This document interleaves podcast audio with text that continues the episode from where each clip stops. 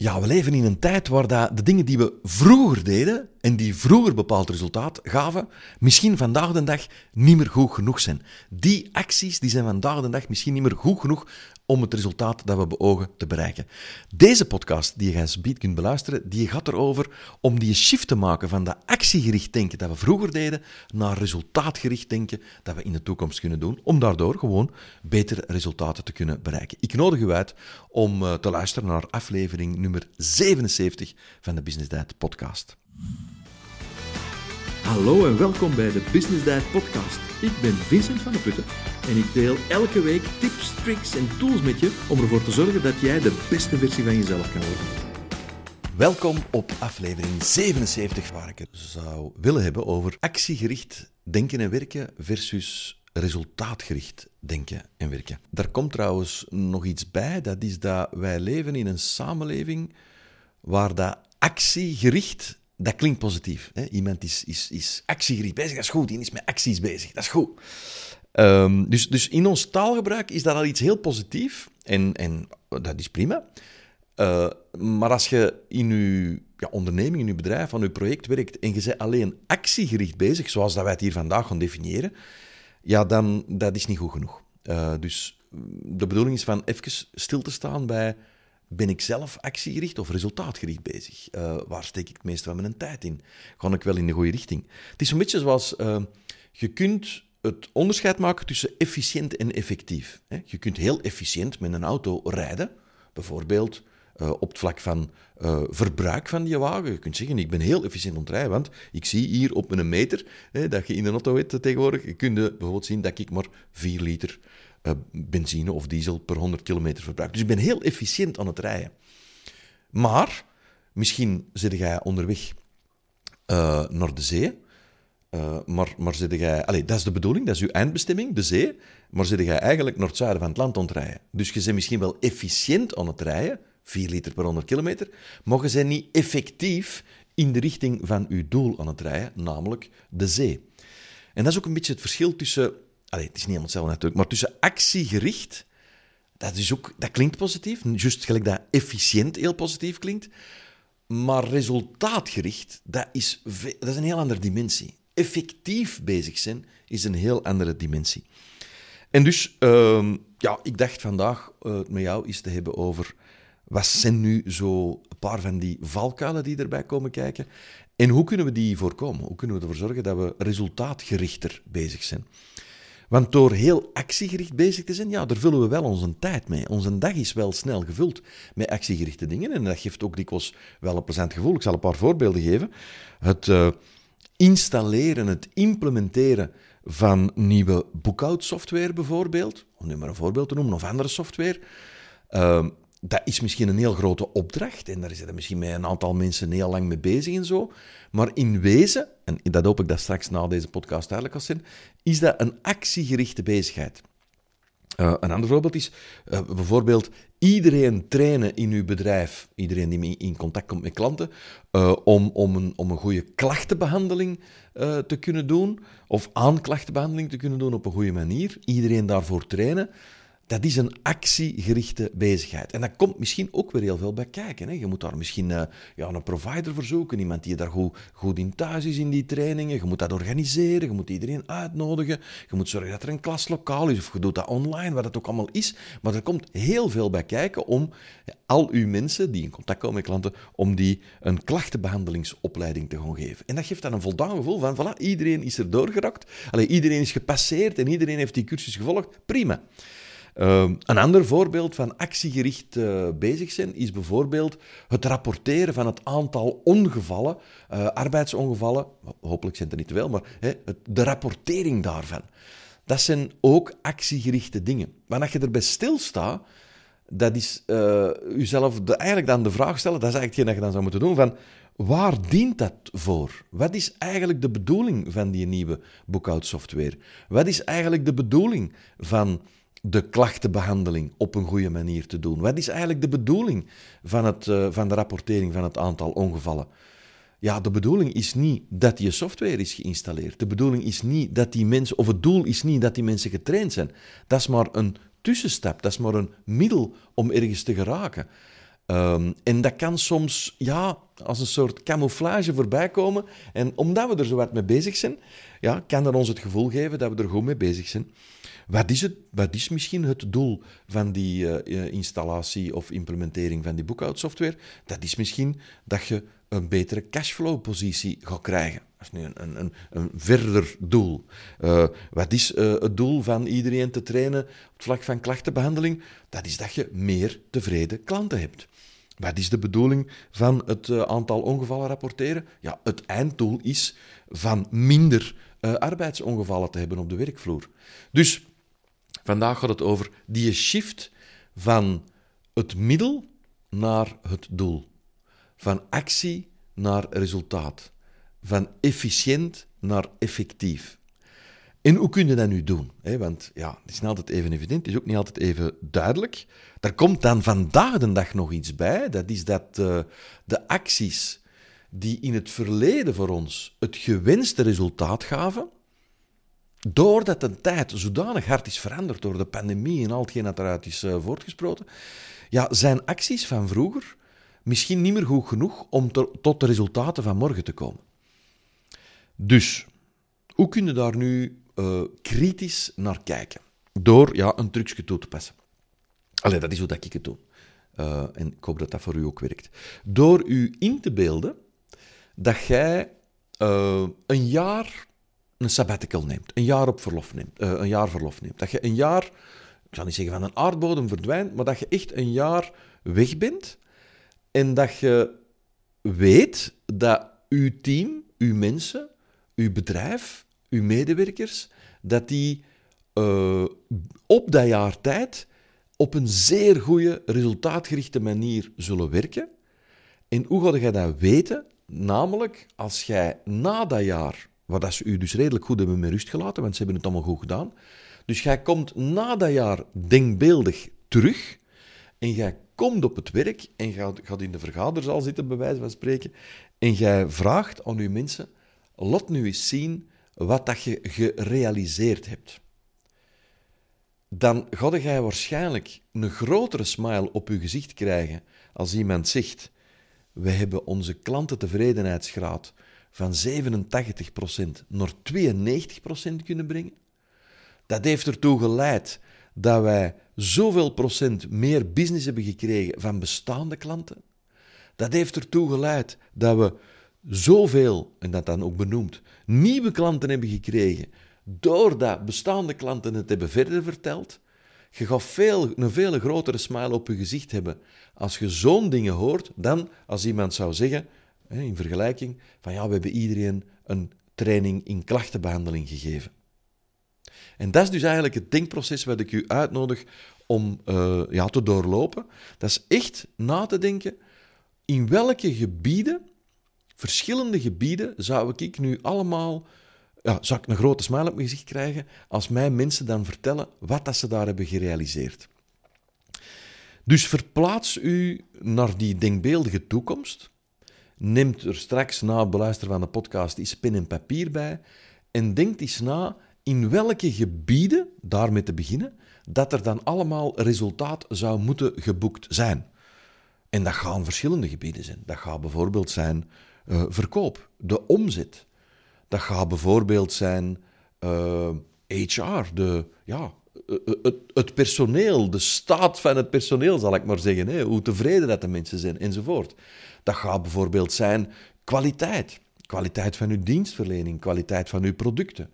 Dat gaat bijvoorbeeld zijn uh, ja, financiën, uh, ja, de, de economische realiteit van het bedrijf, waar, dat waar dat het dan binnen een jaar zal terechtgekomen zijn. Dat kan bijvoorbeeld ook zijn, ja, hoeveel winst is er gerealiseerd? Dat kan zijn, hoeveel cashflow hebben we gerealiseerd? dat kan van alles zijn. Um, dat gaat dat ga een aantal kerngebieden zijn. We noemen dat sleutelgebieden, waarin dat er resultaat is gerealiseerd. Als je aan het luisteren bent naar de podcast uh, en, en je bent niet aan het wandelen of niet met een auto aan het, uh, aan, aan rijden enzovoort, ja, dan, dan kun je nu misschien even op pauze duwen, een stukje papier erbij nemen of iets anders en, en even opschrijven in welke sleutelgebieden zou mijn team dan binnen een jaar resultaat moeten geboekt hebben. Even gewoon de noemers van die sleutelgebieden. En er zijn er een aantal die altijd terugkomen, maar er gaan er een aantal zijn die bij u heel specifiek gaan zijn. Innovatie kan zo een sleutelgebied zijn. Kwaliteit zal er ongetwijfeld een zijn. HR, uh, verkoop. Uh, uh, ja, eh, financiële elementen, hè, economische uh, aspecten, die zullen zeker altijd aan bod komen. Dus dat zijn een aantal zaken die jij gaat definiëren als sleutelgebieden. Zelfs gaan we die dan een beetje invullen. Wat gaat er dan in die sleutelgebieden willen zien dat er is gerealiseerd en hoe kunnen we dat dan op een toffe manier of op een goede manier gaan omschrijven. Hè? Dus niet zozeer efficiënt, maar ook effectief. Dus ik nodig je uit om dat nu even te doen, behalve als wandelen of met een auto reizen. Anders doe je dat straks maar nadat je de podcast hebt beluisterd. Dus dat is stap 1. Hè? Dus dat is je echt verplaatsen naar die denkbeeldige toekomst en je zit er in die vergaderzaal en uw mensen, uw team, geven een presentatie. En dat begint, hè, de, de persoon, de, de verkoopdirecteur, de denkbeeldige verkoopdirecteur, die nu dus vervangen heeft, die begint te vertellen over verkoop. Ja, wat, gaan dat, wat zijn dan een aantal belangrijke aspecten? Dat is uh, ja, bijvoorbeeld uh, hoeveel omzet heb je gerealiseerd. Dat is, dat is iets waar je, waar je toch wel uh, benieuwd in bent. Misschien ook de groei in omzet tegenover het voorgaande jaar. Uh, misschien zijn dingen zoals hoeveel was de gemiddelde omzet per klant? Uh, dat kan, dat kan een, een, maatstaf zijn die belangrijk is. Of hoeveel is die gegroeid tegenover vorig jaar? Uh, klantentevredenheid, dat kan ook een sleutelgebied zijn. Hoe tevreden zijn uw klanten? Ja, hoe kun je dat nu meten? Je kunt dat op een, op een positieve manier meten, zal ik maar zeggen, of je kunt dat op een negatieve manier meten. Wat bedoel ik daarmee? Ja, klantentevredenheid op een positieve manier meten is bijvoorbeeld hoeveel nieuwe klanten zijn er aangebracht geweest door bestaande klanten dus hoe, hoe, groot was het ambassadorship, het ambassadeurschap van uw bestaande klanten? Want een echte, een tevreden klant, ja, die gaat u in contact brengen met, met, met potentiële klanten. Die gaat u klanten aanbrengen. Dus klantentevredenheid kun je meten, bijvoorbeeld in de context van hoeveel nieuwe klanten zijn er aangebracht door bestaande klanten. Je kunt dat ook negatief meten, maar dat is minder sturend, dat is minder leidend, door bijvoorbeeld het aantal klachten te gaan meten. Hè? Want een ontevreden klant die heeft een klacht en die gaat dat mailen of die gaat een brief sturen of wat dan ook. Waarom is dat minder krachtig? Dat is dus een negatieve manier. Men noemt dat in, in in managementtermen. Het eerste is een leading indicator, een positieve indicator, die meet de aanwezigheid van iets goeds, van iets positiefs. En het andere is een lagging indicator, die meet de afwezigheid of de hoeveelheid van hoe, hoe weinig slechte dingen dat er zijn. Um, en dus je voelt al, het een is spelen om te winnen, en het andere is spelen om niet te verliezen. Dus ik nodig u uit om u te verplaatsen naar die denkbeeldige toekomst en uw verkoopdirecteur daar te horen praten in positieve termen, in leading termen. Dus hoeveel zijn we gegroeid in omzet? Hoeveel omzet hebben we gerealiseerd? Uh, wat is de gemiddelde omzet per klant? Wat is de groei geweest in die gemiddelde omzet per klant? Naar klantentevredenheid toe. Ja, dat gaat ook bij uw verkoopdirecteur een sleutelgebied zijn. Dat kan ook, er kunnen ook andere mensen bij betrokken zijn.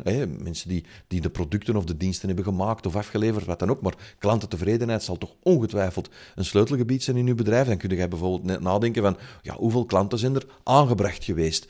Klantentevredenheid, dat kan bijvoorbeeld, ik weet niet of dat zo bij jou is, maar dat kan zich bijvoorbeeld uiten in de snelheid waarmee dat uw klant u betaalt, uw diensten of uw producten betaalt.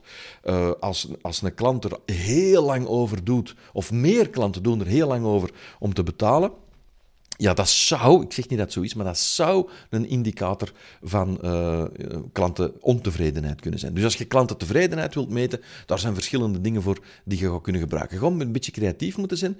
En dus, ja, wat is de bedoeling? Dat is dat je letterlijk echt pen en papier pakt, die sleutelgebieden opschrijft en daar dan bij aan gaat vasthangen. Wat moet er nu gebeurd zijn als ik een jaar later, nadat ik een jaar ben weg geweest, en ik ben daar, ik zit in de vergadering, wat wil ik die verkoopdirecteur, die eh, ja, productieverantwoordelijke, die kwaliteitsmanager, die een accountant, die financieel directeur, allemaal denkbeeldige mensen misschien, wat wil ik die allemaal horen zeggen in hun sleutelgebieden en in positieve, leading indicator termen. Dus spelen om te winnen en niet spelen om niet te verliezen. Datgene wat daar gaat staan, wat jij gaat opschrijven, of wat dat die denkbeeldige mensen in uw plaats, in die denkbeeldige situatie binnen een jaar, op dat bord zullen gaan schrijven, dat gaat heel specifiek zijn. Dus dat betekent niet vaag, dat betekent ja, letterlijk omzet, een getal, zoveel miljoen of zoveel honderdduizend, is al niet belangrijk wat het getal is, maar een heel specifiek getal. Het moet ook iets zijn dat daardoor ook meetbaar is, ja, omdat het specifiek is. Ja, een miljoen euro omzet, dat kun je meten. Het gaat ook uh, ja, relevant moeten zijn voor uw business. Wat bedoel ik daarmee? Ja, uh, bijvoorbeeld uh, als jij bezig bent met, uh, met, met, met, maken bijvoorbeeld bij ons van e-learnings, ja, dan is de, de enquête die de klanten bij ons op het einde van een e-learning invullen, de klantentevredenheid die zij daar invullen, dat is voor ons heel relevant. Of dat wij nu een mooi gebouw hebben of niet, dat is voor ons niet relevant. Dus denk voor uw eigen omgeving, voor uw eigen project, voor uw eigen bedrijf, uw eigen business na. Wat is relevante uh, informatie? Dus specifiek, meetbaar, relevant. Nu denkt u misschien, ja, dat klinkt als een smart goal. Dat is ook zo, maar ik, ben, ik heb het met één letter moeilijk in uh, het woordje smart, of in dat acroniem. want smart staat dus voor specific, uh, measurable, attainable, relevant en, en time, dus gebonden in de tijd. Uh, ja, hier is onze tijdsbinding is binnen een jaar, hè, want dat is dat denkbeeldige moment waar je u naar verplaatst. Maar het moeilijkste woord voor mij, of het woord waar ik het een beetje moeilijk mee heb, dat is attainable. Dus uh, dat is een bereikbaar doel. En uh, ik denk doordat het er zo in te zetten, gaat eigenlijk de lat nooit echt heel hoog leggen. Dus dat is een persoonlijke bedenking die ik heb. Ik, ik schrijf dus uh, smart goals uit voor mezelf, maar ik laat die ader uit. Want ik vind dat, ja, dat, dat kan soms beperkend zijn. Want een attainable goal, die gaat eigenlijk altijd gebaseerd zijn op wat hebben we in het verleden gedaan. Want dan pas is het, is het realistisch, is het haalbaar. Want ja, als we vorig jaar een miljoen hebben gedaan, dan moeten we nu niet zeggen dat we 10 miljoen gaan doen. Maar door nooit te zeggen dat je 10 miljoen gaat doen, gaat het de lat ook nooit echt hoog leggen. Dus goed, dat is nu een beetje een persoonlijke bedenking. is misschien voor jou niet zo belangrijk. Maar dus wat is de bedoeling? Dat is dat je op die manier die sleutelgebieden gaat bepalen en dat je elk sleutelgebied gaat invullen op heel specifieke manieren. En nogmaals, daar gaat er dus creatief moeten in zijn. Dus verplaatst u inderdaad naar de denkbeeldige toekomst. Zorg ervoor dat datgene wat er in die sleutelgebieden of eronder staat, dat dat specifiek is, dat dat meetbaar is en dat dat relevant is voor uw business. Ja, de datum kleeft er al op, hè, want dat is binnen een jaar. Nu kun je zeggen, bij mij zijn die doelen belangrijker op twee jaar of op drie jaar of op zes maanden. Dat maakt allemaal niet uit. Dat vul je allemaal maar zelf in. Maar de bedoeling is dat je echt eens even de tijd neemt om van dat actiegerichte, waar we elke dag mee bezig zijn. Hè. Bij ons is dat bijvoorbeeld, wij sturen heel veel mails uit ja, om eens even stil te staan. Ja, dat is een actie. En die actie die gaf ons vroeger altijd wel een bepaald resultaat. Maar uiteindelijk doen we het om een bepaald resultaat te bereiken. En even stil te staan bij die resultaten die we willen bereiken. En door daarbij stil te staan, ga je ook meer die acties waar je mee bezig bent, in vraag kunnen gaan stellen. En dat is eigenlijk uh, ja, heel cruciaal voor datgene wat we doen. Ja, er echt voor zorgen dat we ja, stilstaan bij datgene wat we elke dag doen, bereiken we daar wel het gewenste resultaat mee? En u gewoon eens af te vragen, wat is dat gewenste resultaat? Ik wens er u heel veel succes mee.